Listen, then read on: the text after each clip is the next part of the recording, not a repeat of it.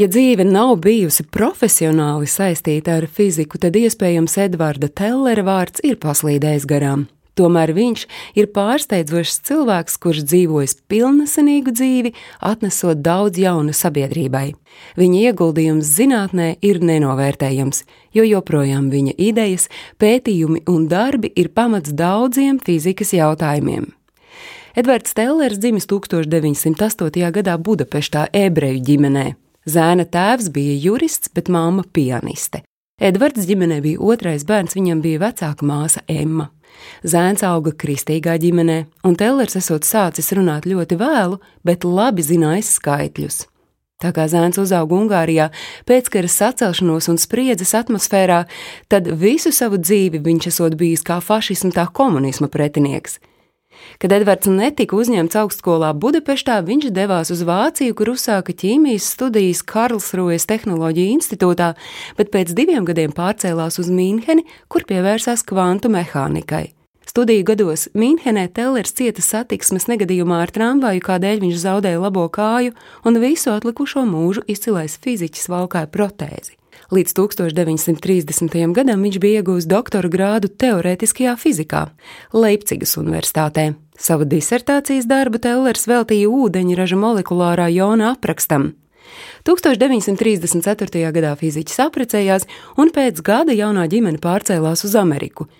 1941. gadā fiziķis saņēma Amerikas pilsonību, un šajā laikā viņš strādāja pie slepenā projekta Manhetena, kas izstrādāja atombumbas, kuras 1945. gada augustā nomet uz Japānas pilsētām Hirosimu un Nagasaki. Vēlāk, jau mūža nogalē fiziķis atzinies, ka nožēlo toreizējā ASV prezidenta Harija Trūmena lēmumu nomest atombumbas uz Japānas pilsētām, sakot, ka šo ieroci vispirms vajadzēja izmēģināt demonstrēšanai, lai Japānas valdība būtu pietiekami iespaidota un padotos. Kad 1949. gadā PSRS paziņoja par savas atombumbas izveidi, ASV prezidents Harijs Trūmens paziņoja par ūdeņraža bumbas projekta sākumu. Tellers sāka aktīvu darbu. Viņam bija gana sarežģīts raksturs un tādēļ notikuši nepārtraukti konflikti ar kolēģiem. Tomēr, pateicoties sadarbībai ar poļu matemātiķi Staņislavu Ulemu un viņa idejām, Tellers nonāca pie teorētiska risinājuma ūdeņraža bumbas ražošanai. Zinātnieku un vēsturnieku vidū joprojām nav vienprātības, cik lielā mērā idejas ir bijušas paša Tellera, bet cik viņš ir piesavinājies no poļu matemātiķa.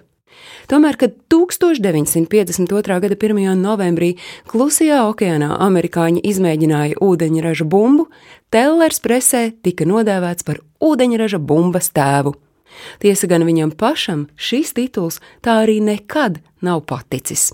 1962. gadā Tellers saņēma balvu par ieguldījumu kodolenerģijas un ķīmijas fizikā, bet 1975. gadā viņš atstāja profesora amatu Kalifornijas Universitātē. Tomēr visu atlikušo mūžu, līdz pat nāves dienai 2003. gada 9. septembrim, viņš konsultēja Amerikas Savienoto Valstu valdību par kodolieročiem.